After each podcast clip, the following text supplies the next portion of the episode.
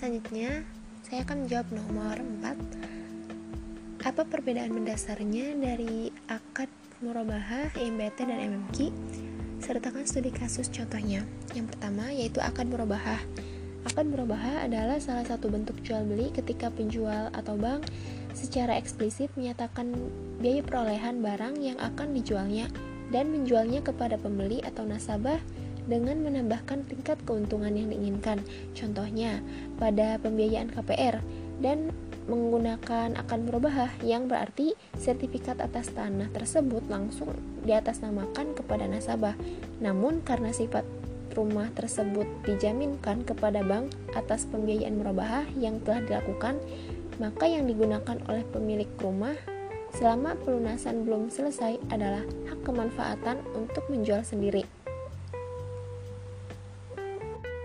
Selanjutnya, ijarah muntahiyah bitamlik adalah perjanjian antara bank dengan nasabah untuk menyewa suatu barang atau objek milik bank, di mana bank mendapatkan imbalan atas barang yang disewakan dan diakhiri periode nasabah diberi kesempatan untuk membeli barang atau objek barang yang disewakan. Contohnya, dalam penyewaan tanah dan bangunan rumah.